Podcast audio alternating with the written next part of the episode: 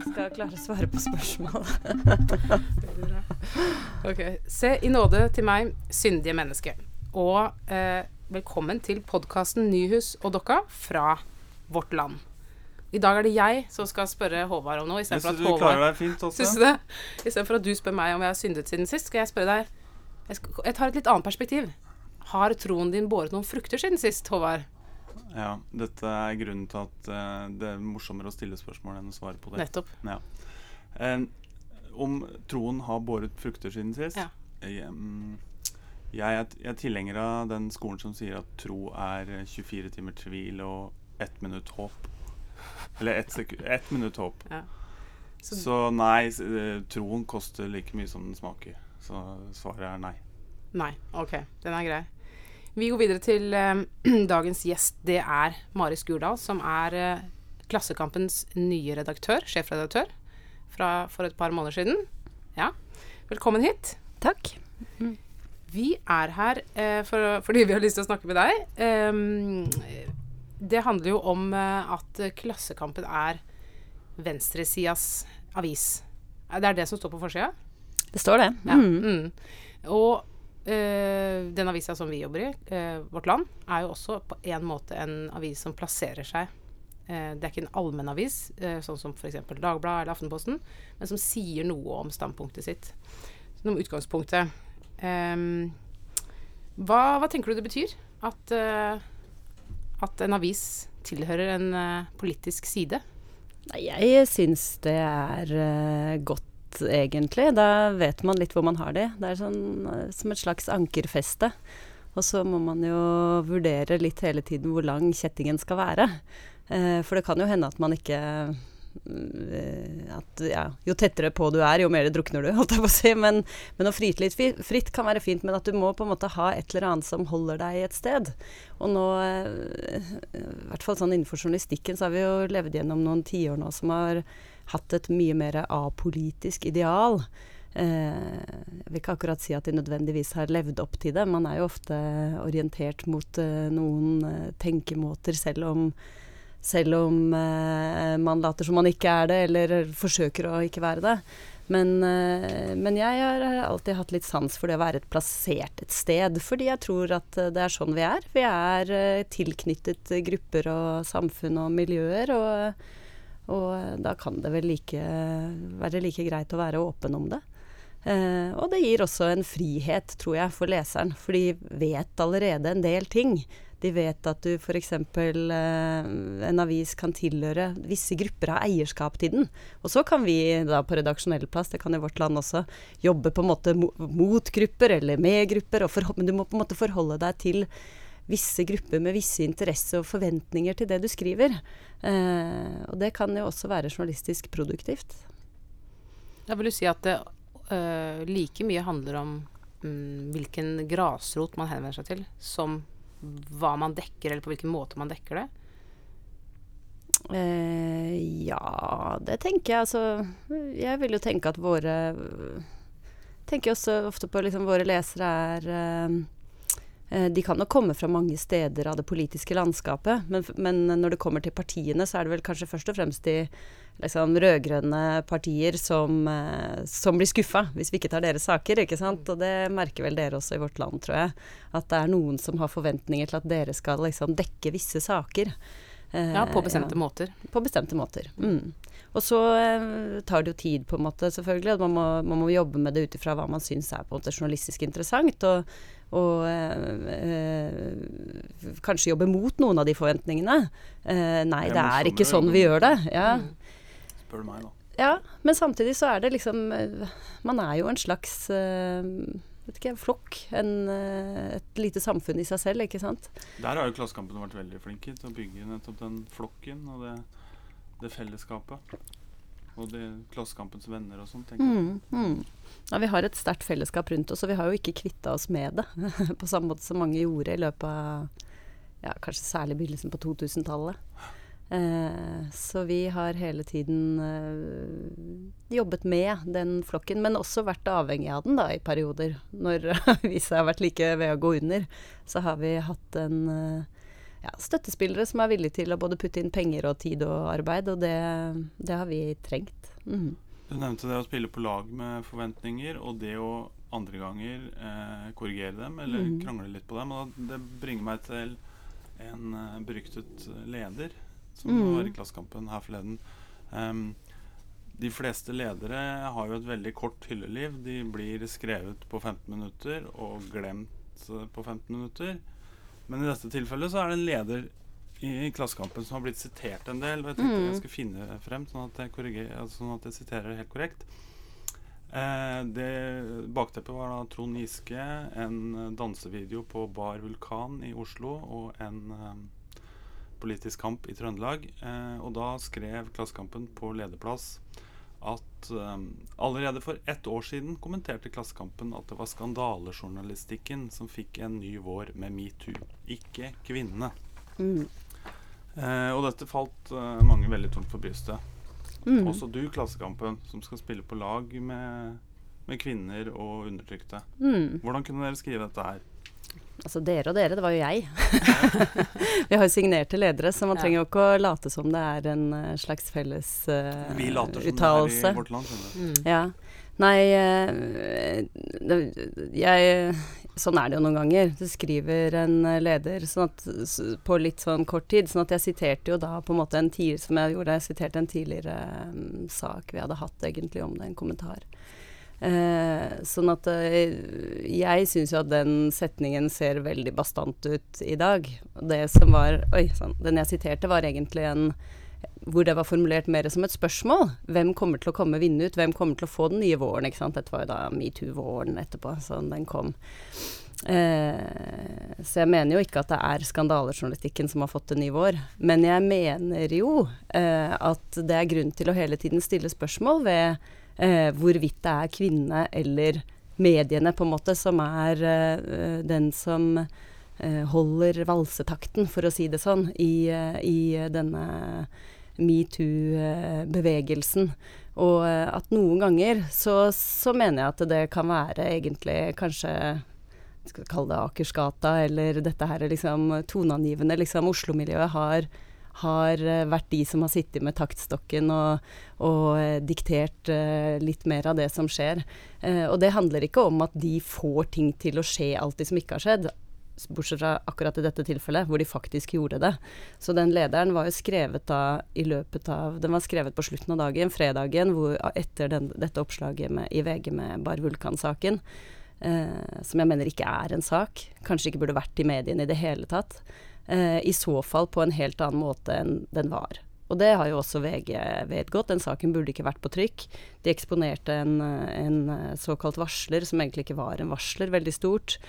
Eh, de, de, tok ikke inn motforestillingene til de to kvinnene som var på videoen, som hadde allerede bedt om å ikke, ikke få saken framstilt på den måten det var.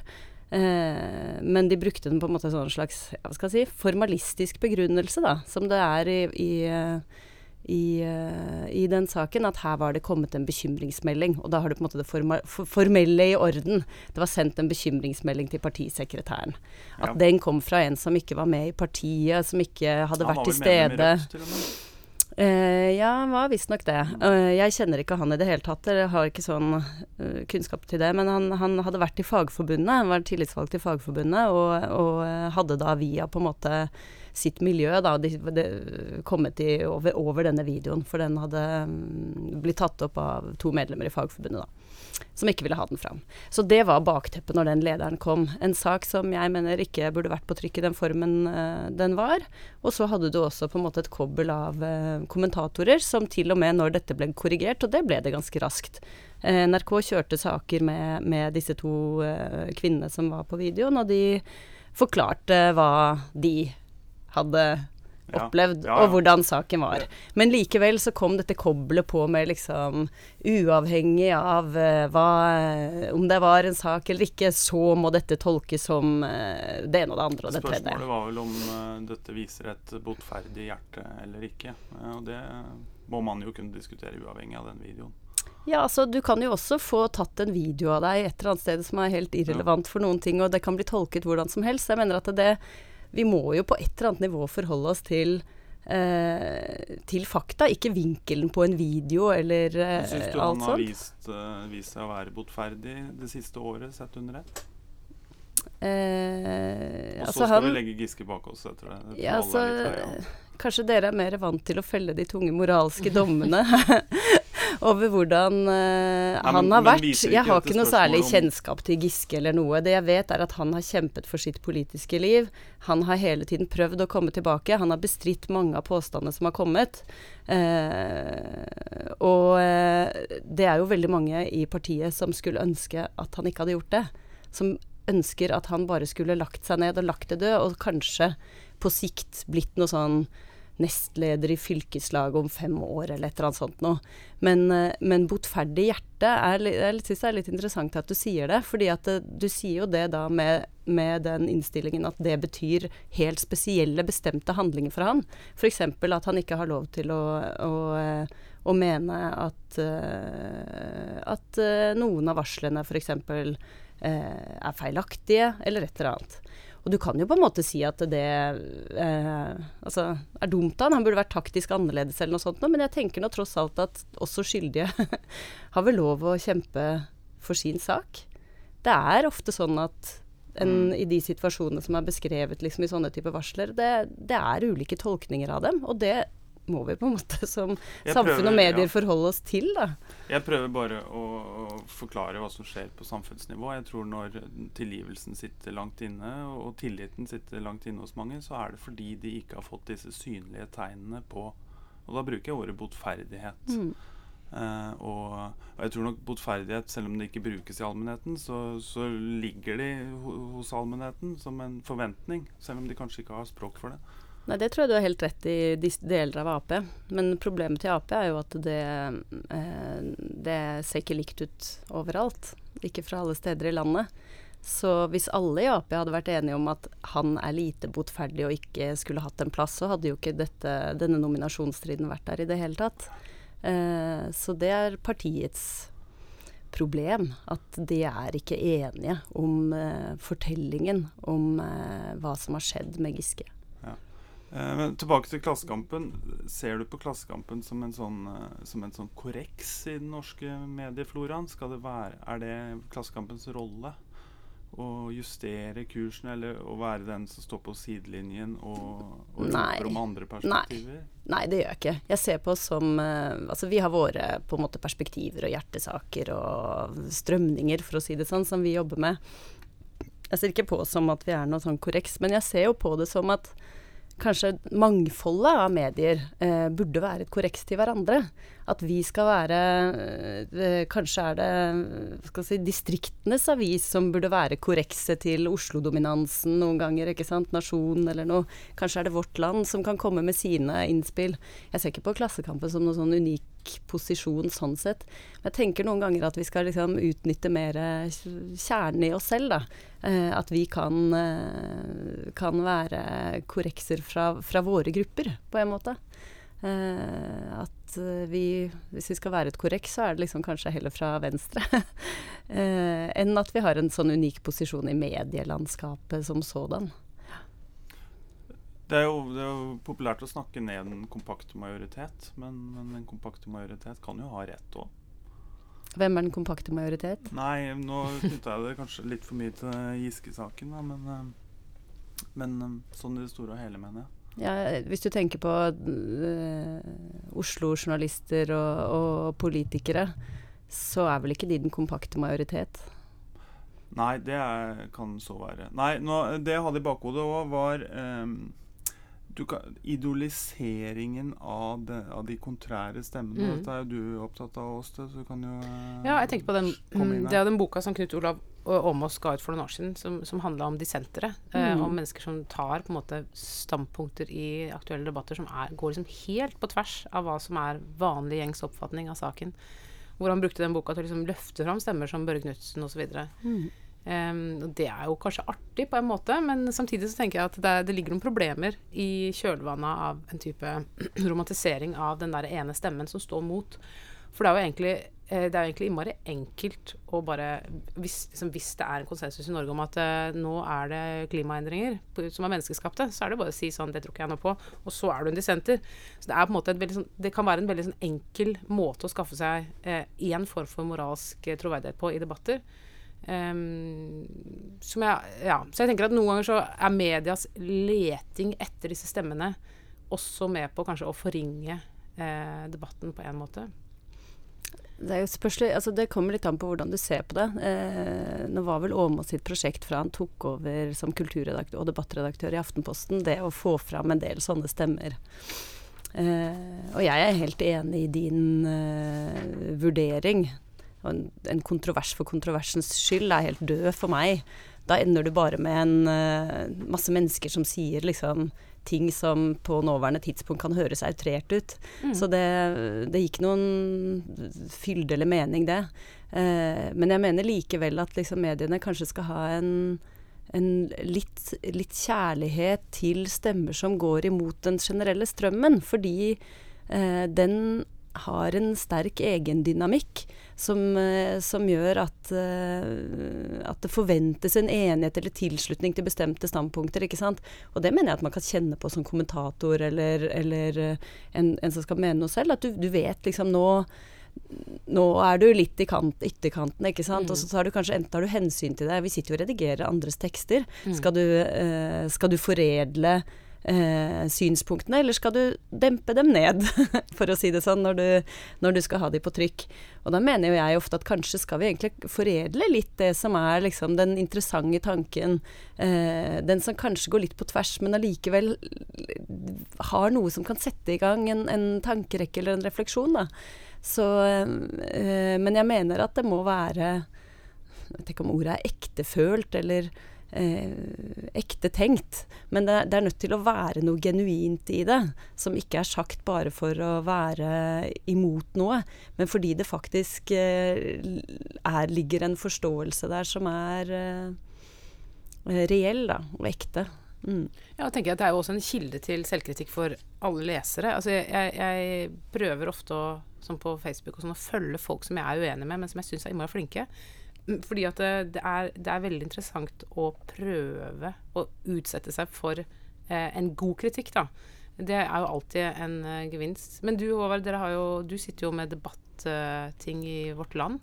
Leter du etter de uh, Ja, det gjør jeg. Det syns jeg absolutt absolutt har en verdi i seg selv. Ja, å finne de litt outrerte stemmene. og ja, nei, det, det, det, er et uttalt mål, det å finne dem og løfte dem opp. Og, og også foredle de, ja, for det er jo ofte at det trengs. Du nevnte jo det, Marie. Mm.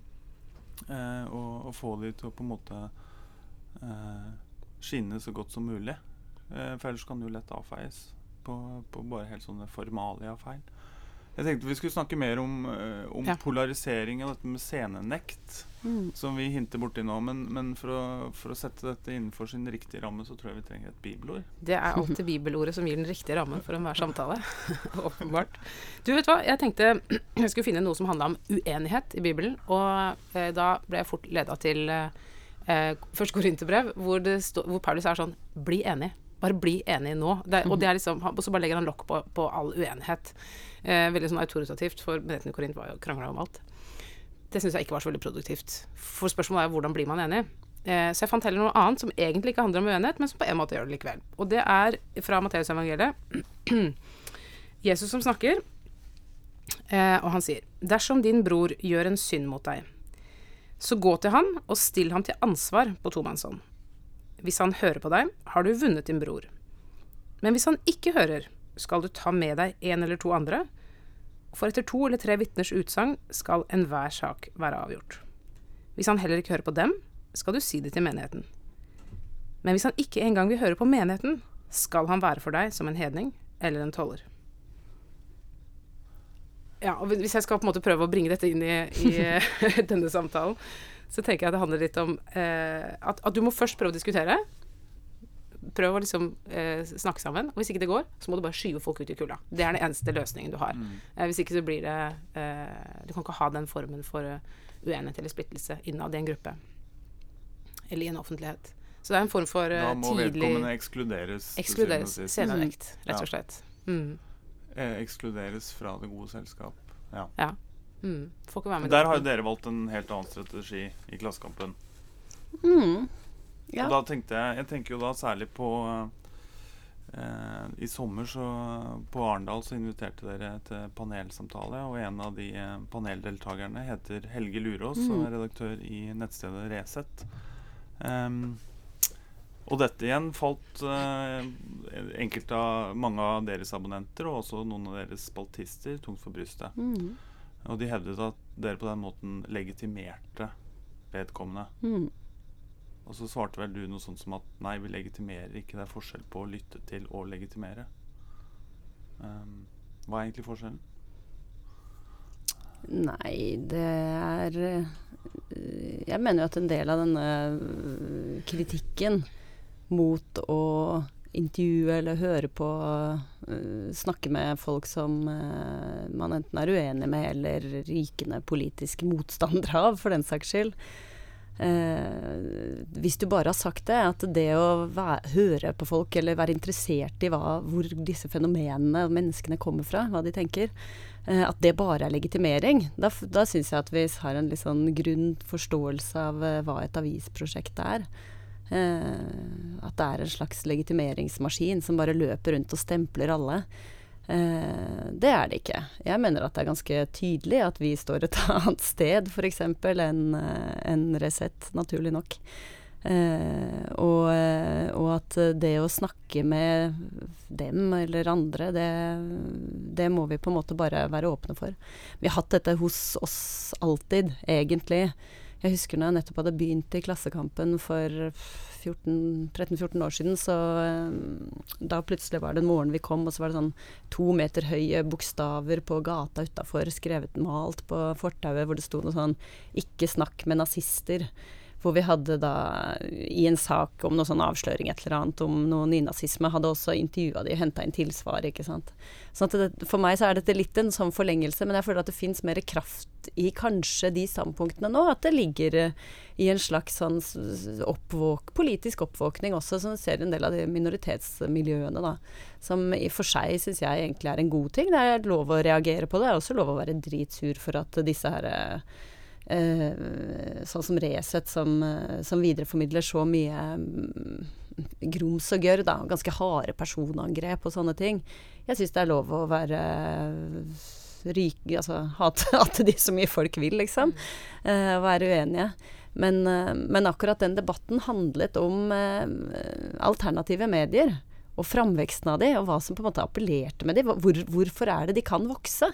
Eh, og det mener jeg hele Medie-Norge burde Det være opptatt av. ja. Jeg tror de var Norges femte mest delte avis. Ja, ja.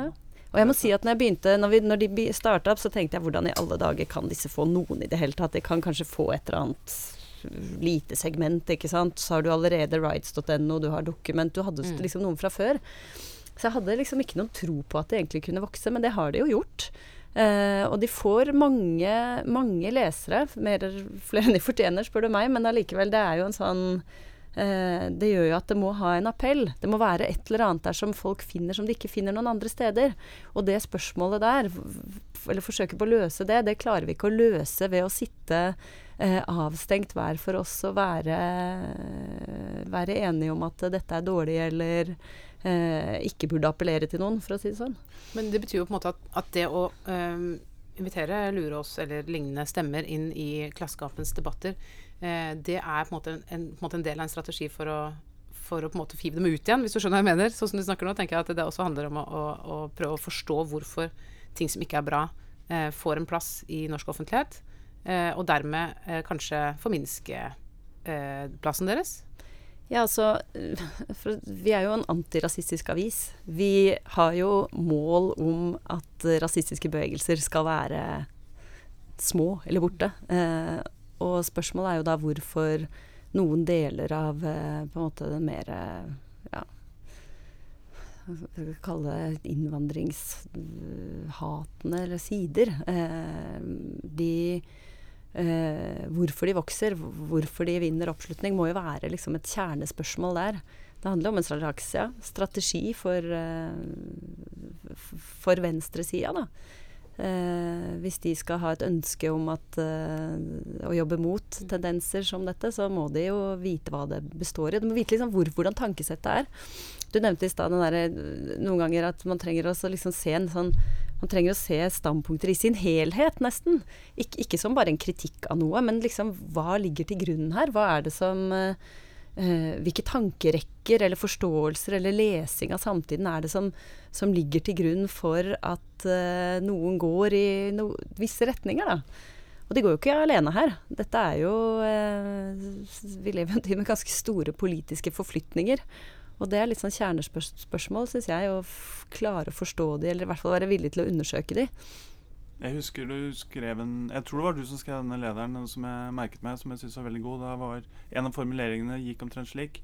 Problemet med rasisme er at vi ikke vet hvordan vi skal bli kvitt den. Altså, det hadde jo vært en lett sak hvis vi hadde en omforent strategi, eller vi alle var enige om mm. sånn går vi fram for å bli kvitt rasismen. Men mm. vi har jo ikke det.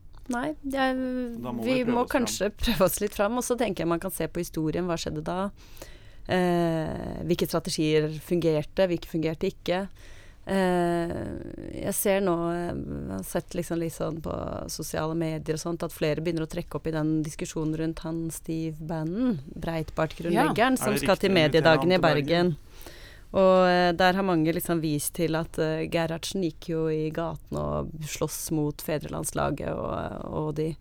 Og det uh, gjorde han jo også på 20-tallet.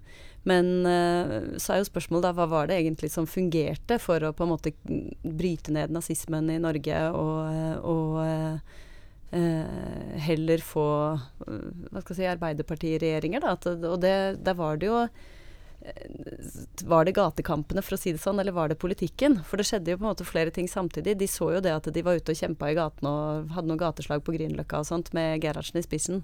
Men så kom jo også Tran Melin og hadde noen sånne ideer om at vi må vinne tilbake arbeiderklassens ungdom. Eh, de kan ikke gå til fascistene, og det er vi nødt til å gjøre med politikk. Vi er nødt til å angripe på en måte arbeidsledigheten, eh, den økonomiske usikkerheten. Uh, og de lagde, et, lagde, programmer som gikk liksom direkte på ja, store politiske spørsmål. Da. Og det var det som på en måte skapte den store arbeiderpartibølgen i Norge. Og, eh, og som var med på å holde dette fedrelandslaget og rekrutteringen i på en måte rundt om hos arbeiderklasseungdommen i sjakk. da. Og hvilk, hva, hva, er de sakene i dag, tror du, som tilsvarer mot arbeidsledigheten eh, i mellomkrigstida? Altså, hva, hva, er det som, gjør at menneskene i dag tiltrekkes til uh, høyreekstreme uh, synspunkter. Ja. Um, hva er det de kjenner på? Hva, det, hva, slags type grunnfrustrasjon er det dette er et tegn på, liksom? Jeg syns bare det er morsomt at du bruker ordet høyreekstreme synspunkter, for det er jo ikke sikkert at det er akkurat det de føler at Nei. de gjør. Mm. Og at der ligger noe av kjernen. Det er ikke sikkert at alt kommer tilbake historisk i den samme formen som man trodde det gjorde. Eh, så eh, det er jo noen store politiske spørsmål i Norge i dag som, som ikke er eh, Eller som rekrutterer og flytter folk over, over blokkgrensene også, bl.a. distriktspolitikk f.eks. Eh, hvor veldig mange av de måte store partienes lokomotiver nå hele tiden har på en måte stått for en sentraliseringspolitikk. Eh, du har sånne signalspørsmål, symbolspørsmål som ulvesaken f.eks. Ikke sant. Eh, og hvor du ser en del, en del, av de spørsmålene hvor Senterpartiet nå vokser eh, mye. Dette er jo ikke høyreekstreme synspunkter, men jeg mener at det du ser i Europa i dag, er jo at den type, eh, den type følelse av uh, å ikke bli sett, ikke bli tatt på alvor, ikke være representert. At, uh, at de store liksom, metropolene går i en helt annen retning, ikke har noen forståelse for uh, verken liksom At det skal være infrastruktur, rett og slett. Skoler, veier, alt sånt i distriktene. At den kan også føre til føre deg inn i Alternativ for Deutschland eller no mm. Nasjonal Samling, som partiet til Le Pen nå har skiftet navn til. Eh, sånn at, eh, mens i Norge så ser du at det også kan bidra til et mer solidarisk nasjonalt, ja, men, eh, eh men et solidarisk prosjekt på venstresiden, da, som, eh, som, du kan si at ligger i kjernen også av Senterpartiet. Eh, så der ser du hvordan en del av de samme bølgene, eller de samme kanskje sentimentene, tror jeg, kan eh, kan iverksettes av eh, flere grupper hvis de er villige til det, eller andre typer politiske bevegelser. Jeg vil litt tilbake til den åpenhetslinja som Klassekampen har valgt, eh, og som, eh, som, er vel og bra. Jeg støtter den fullt ut. Ja. Eh, historisk så vet vi jo at venstresida har hatt mer sekteriske tendenser. Og det, det er jo velkjent dette med høyreavvik osv. Kjenner kanskje det igjen fra kristne bevegelser også? Kjenner igjen fra veldig mange ulike miljøer. Begrepet sekt kanskje så bare, kommer fra oss mer. Er om, ja. om det er en historisk arv her man prøver å korrigere litt, med å i stedet velge det stikk motsatt strategi. Altså åpenhet framfor stempling og, og utdefinering. Jeg tenker jo at alle politiske bevegelser har godt av det. Eh, hvis du skal bygge breie politiske bevegelser som skal ha noe relevans, så må det jo være, være en sammenheng og en eh, Du må vite hvordan ideene faller ut i en større offentlighet. Du må, du må vite hvilke interne stridigheter som, eh, som hele tiden kjemper om makten eller lederskapet i bevegelser. Altså må Eh, så jeg tenker at det, det, må være en åpenhet der. Er, det er, jo en stor forskjell på å drive en avis og drive et parti også, da. Det er jo klart at uh, partiet skal jo skape liksom en slags oppslutning om uh, Eller ikke en slags, en oppslutning om partiprogrammet. Finne ut hva, hva medlemmene liksom uh, kan enes om som et sånn det felles prosjektet. en avis føler jeg heller skal gi grunnlaget for f.eks. politikkutvikling. Da. Og, eh, og, da må det være klokt, det må være mangfoldig, det må være spissa når det trengs, det. Men altså det må i hvert fall Det er en helt annen dynamikk i en avis enn det det er i et parti. En avis som har et eh, partiprogram med fem punkter, eh, og skal forholde seg strikt til at eh, f.eks. lesere skal ende på de punktene, det vil være ganske kjedelig å lese. Og det vil være ganske uvirksomt for en bevegelse også, tenker jeg. Jeg, jeg fant eh, Jeg må sitere. Jeg fant et veldig et eh, sitat av deg som jeg bet meg merke i. Dersom konteksten tilsier det, er jeg villig til å trykke langt mer ytterliggående ytringer. Og langt mer da med henvisning til uh, Lurås og Resett. Så fortsetter du. Jeg er f.eks ikke prinsipielt mot å trykke et utdrag fra Mein Kampf. Mm. Um, uh, og det og de, den kritikken og Jeg istemmer dette fullt ut, ja, men, men uh, jeg må prøve å kanalisere de som uh, har sine anfektelser. Og de vil vel si at dette er synspunktet til en som er privilegert, og som kan på en måte surfe over alle store problemer, og som ikke, føler, og som ikke uh, har problemer med høy takhøyde og alt mulig. Nettopp i kraft av sine privilegier og sin posisjon. Mens andre, mer sårbare grupper da vil oppleve at de stenges ute. De, de vil ikke komme på en fest hvor det leses høyt fra min kamp. Jeg vet ikke om den festen hadde vært mitt sånn favorittsted for en kveld heller. Men Nei. nå var det jo snakk om å trykke ting i en kontekst. Uh, Fest i overført betydning som, som, et bilde på vår felles offentlighet. Ja. Vårt store torg. Ja. Nei, altså hvis noen burde være interessert i å forstå liksom dybden i Eller hva skal jeg si starten på det jødehatet som kom ut fra Hitler og ble en del av en ja, til slutt nasjonal bevegelse i et enormt land som uh, Tyskland, så må det jo være de ja, skal si, hva er det du kalte det, de ikke så privilegerte, for å si det mm. sånn. Handikappa, jøder, sigøynere, kommunister. Altså de som virkelig eh, Det er de som har mest å tjene på at det ikke var noe sånn nazistisk maktovertakelse i land etter land. Ja, nei, så, men, men det, er jo, det, er jo, de som sier at Og da blant annet uh, hun uh, Jimaye Sumaya Irdali. Sumaya mm. Irdali, unnskyld. Uh, hun sier at hun kjenner det på kroppen når mm. f.eks. Deltakere fra Resett inviteres inn i husvarmen, mm. så å si. Og da velger å måtte heller unnlate å bli med. Altså det har sine eh, omkostninger. Hvis du, hvis du, hvis du løfter takhøyden for mye, ja, så er det noen som sånn, da kjenner at de ikke ja, ja, kan være der. Du har et litt sånn For at takhøyden er jo ikke som om vi skal uh, når du snakker hele tiden om takhøyden og fest og sånn, så virker det jo som om vi bare liksom alle skal inviteres inn, og vi skal bare mingle og være sammen som en stor, uh, lykkelig familie. Metaforen er litt Eh, så jeg, ja, den, eh, jeg syns den er dårlig, for det er jo ikke sånn vi eh, Det er ikke sånn vi tenker, i hvert fall. Så for meg er det mer sånn Hva er dette eh, Hva er det som skjer her nå? Hva er det, hva er det de tenker? Hvorfor, hvorfor er de der? Altså det, er, er, det er de ubesvarte spørsmålene som gjør at, at eh, vi må hente inn informasjon, på en måte.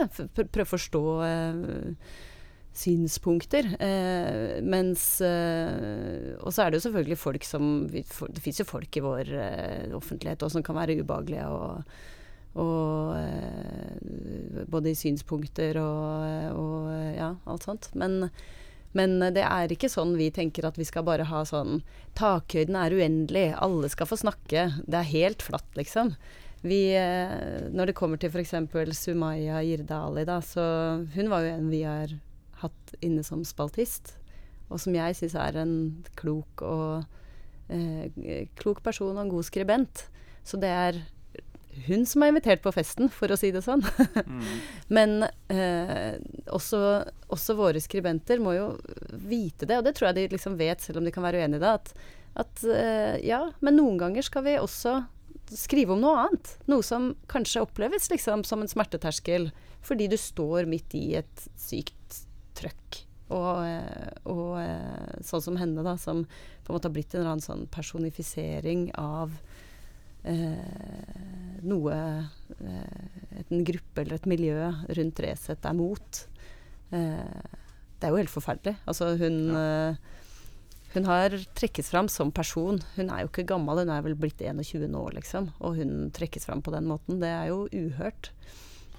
Ja, tiltredes indeed. Eh, jeg, men jeg merker meg jo at denne, denne metaforen med husvarmen og sånn, den, den brukes jo veldig mye, og den er kanskje gal, grunnleggende Ja, feil. men jeg tror nok at noe av grunnen til at det brukes, er jo at det er jo Hvis eh, Altså, det er jo et strategisk valg. Skal man tie noe i hjel, eller skal man trekke det ut ø, og få sol på det? Ikke sant? Og hvis man eh, Noen mener jo at det beste man kan gjøre overfor Resett osv., er å tie det i hjel. Ikke gi det oppmerksomhet, ikke intervjue dem. Og andre mener at det beste man kan gjøre, er å trekke det inn. Eh, først og fremst for å forstå eh, hva slags type fenomen det er.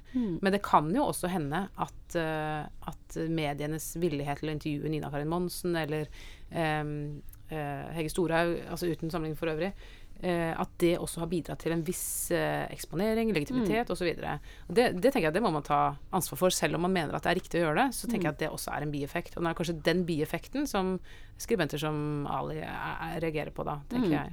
Men jeg tror også at det er en Jeg gikk gjennom det her en, eh, en dag midt i den runden. Alle, hvor ofte vi egentlig hadde intervjuet f.eks. Hege Storhaug, og det er jo nesten ikke i det hele tatt de siste årene. Så de hadde nok en sånn eh, De hadde nok en, et mer behov for eh, de liksom gjengse mediene for en del år siden. Men jeg tror det var de siste to-tre årene så er det jo knapt intervjua eller på trykk i noen aviser i Norge i det hele tatt. Så de har sine egne kanaler, og folk som ønsker å høre på de, går dit, og der kan de få de akkurat den vinkelen de vil. Sånn at uh, vi, uh, til tross for at vi på en måte ble et eller annet sånn Var litt uh, i sentrum av oppmerksomheten da i høst, så, så er det egentlig det mest oppsiktsvekkende hvor lite de er avhengig av andre medier for å få gjennom sine ting. Mm. Hva med en karakter som Lysglimt? Han har vel ikke nødvendigvis noen egne kanaler. Han er, han er nødt til å bite seg fast i de mer tradisjonelle mediene.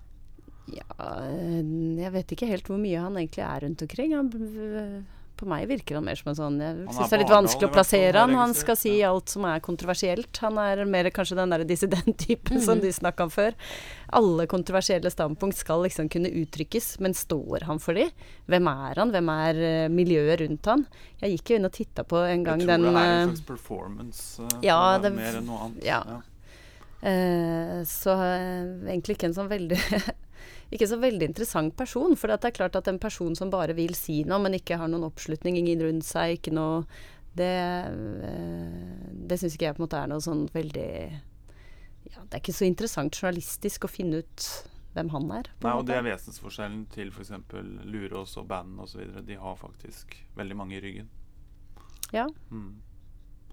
Ja, skal vi eh, Vi har jo denne spalten vår som heter Bordet fanger. Her, eh, her, samtval, her lanserer vi gode temaer til det neste forestående middagsselskapet. Mm.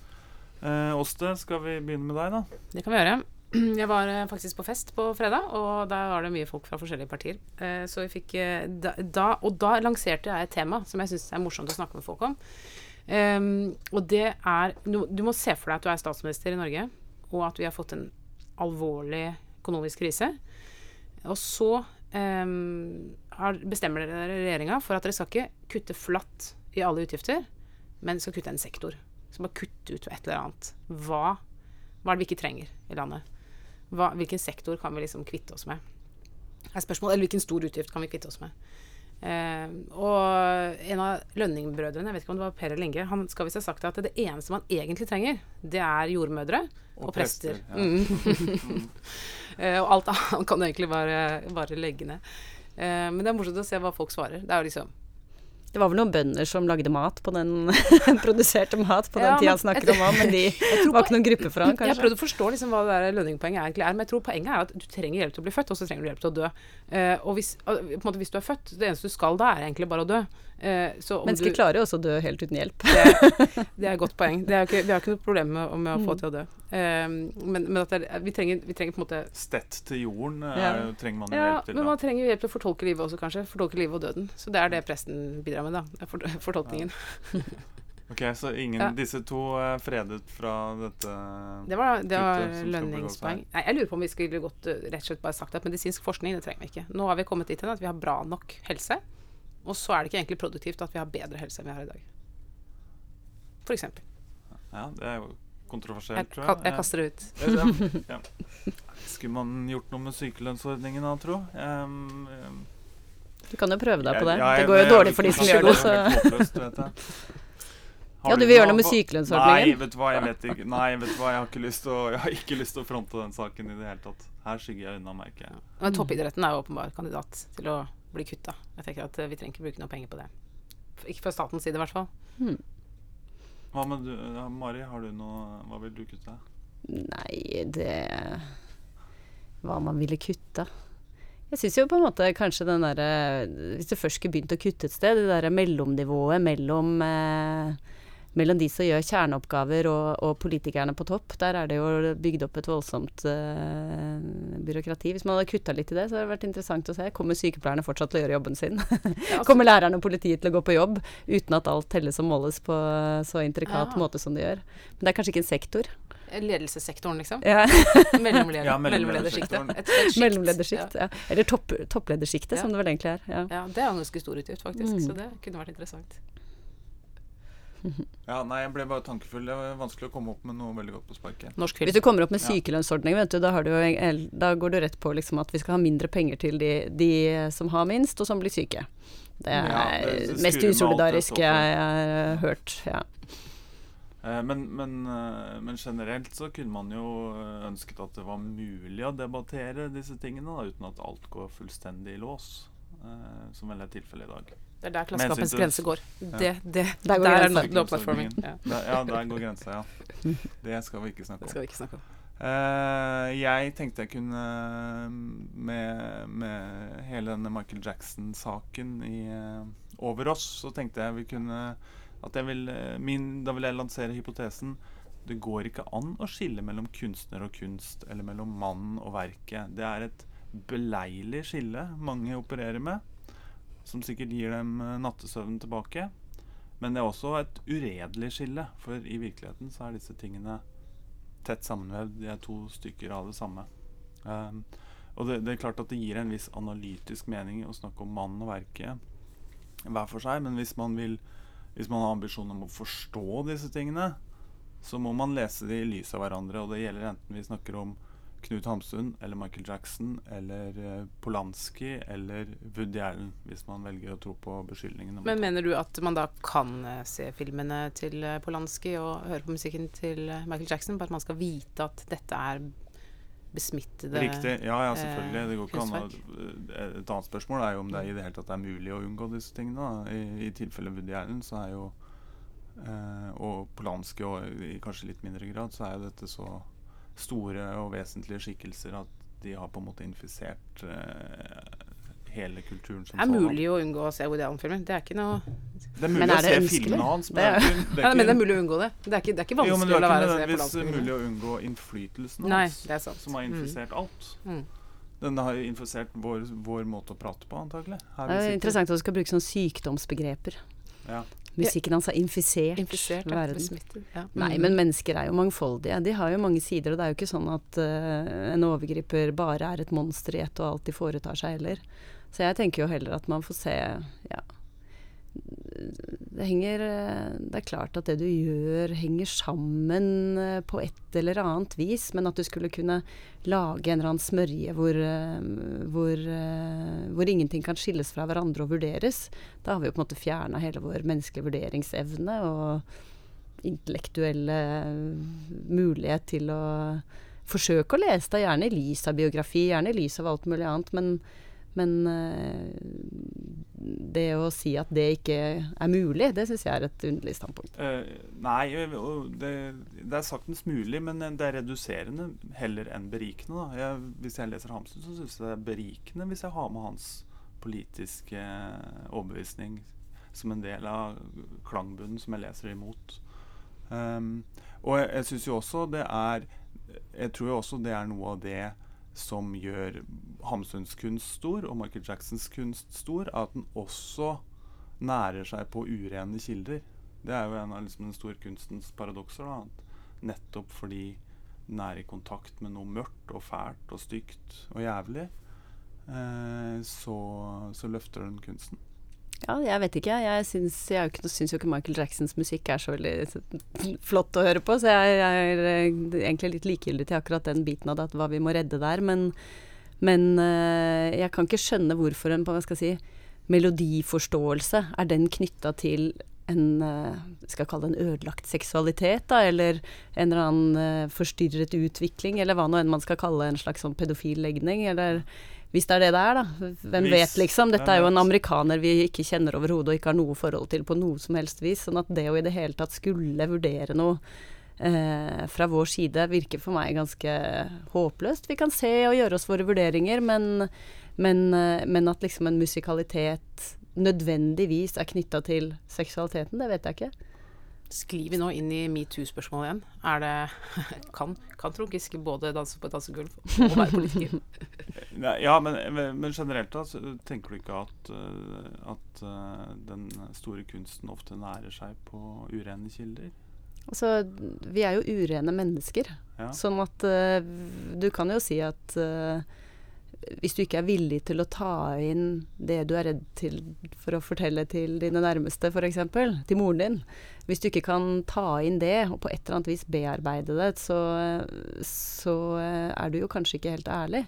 Da vil du kanskje virke Da blir det mer overfladisk og lettglemt. Men at nødvendigvis næres av de, det kan jo næres av så mye rart. Altså, en glad sang trenger jo ikke å næres av dine mørkeste frykter. det er jo Vi er jo mangfoldige. Ja. Er- ja. Mye av Michael Jacksons musikk er jo alt annet enn glad. Da. Den er jo også eh, monstrøs til tider. Dette ble, men dette er store ting. Dette ble, kanskje, kanskje ble for mye til at et middagsselskap kan bære det. Det er litt avhengig av middagsselskapet. Hva med deg, Maria? Har du noe tema, eller? Ja, tema tema. Jeg hadde misforstått litt. Jeg trodde man skulle ha med en gjenstand til dette, Ah. til dette bordet. bedre, Det Men eh, det Det var ikke en så veldig gjenstand, for jeg tenkte bare hva Jeg er ikke noe sånn som kommer med sånn derre ultimatum, nå skal alle løse den oppgaven. jeg syns at når man går på et middagsselskap, så vil jeg egentlig bare senke skuldrene og slappe av. Sånn at da hadde jeg tenkt ta med, ta, gjøre som jeg pleier, ta med en flaske vin og sette meg ned og la praten gå. Ja. Det, det, skaper ikke noe god podkast. Men det kan hende det skaper et bedre middagsselskap.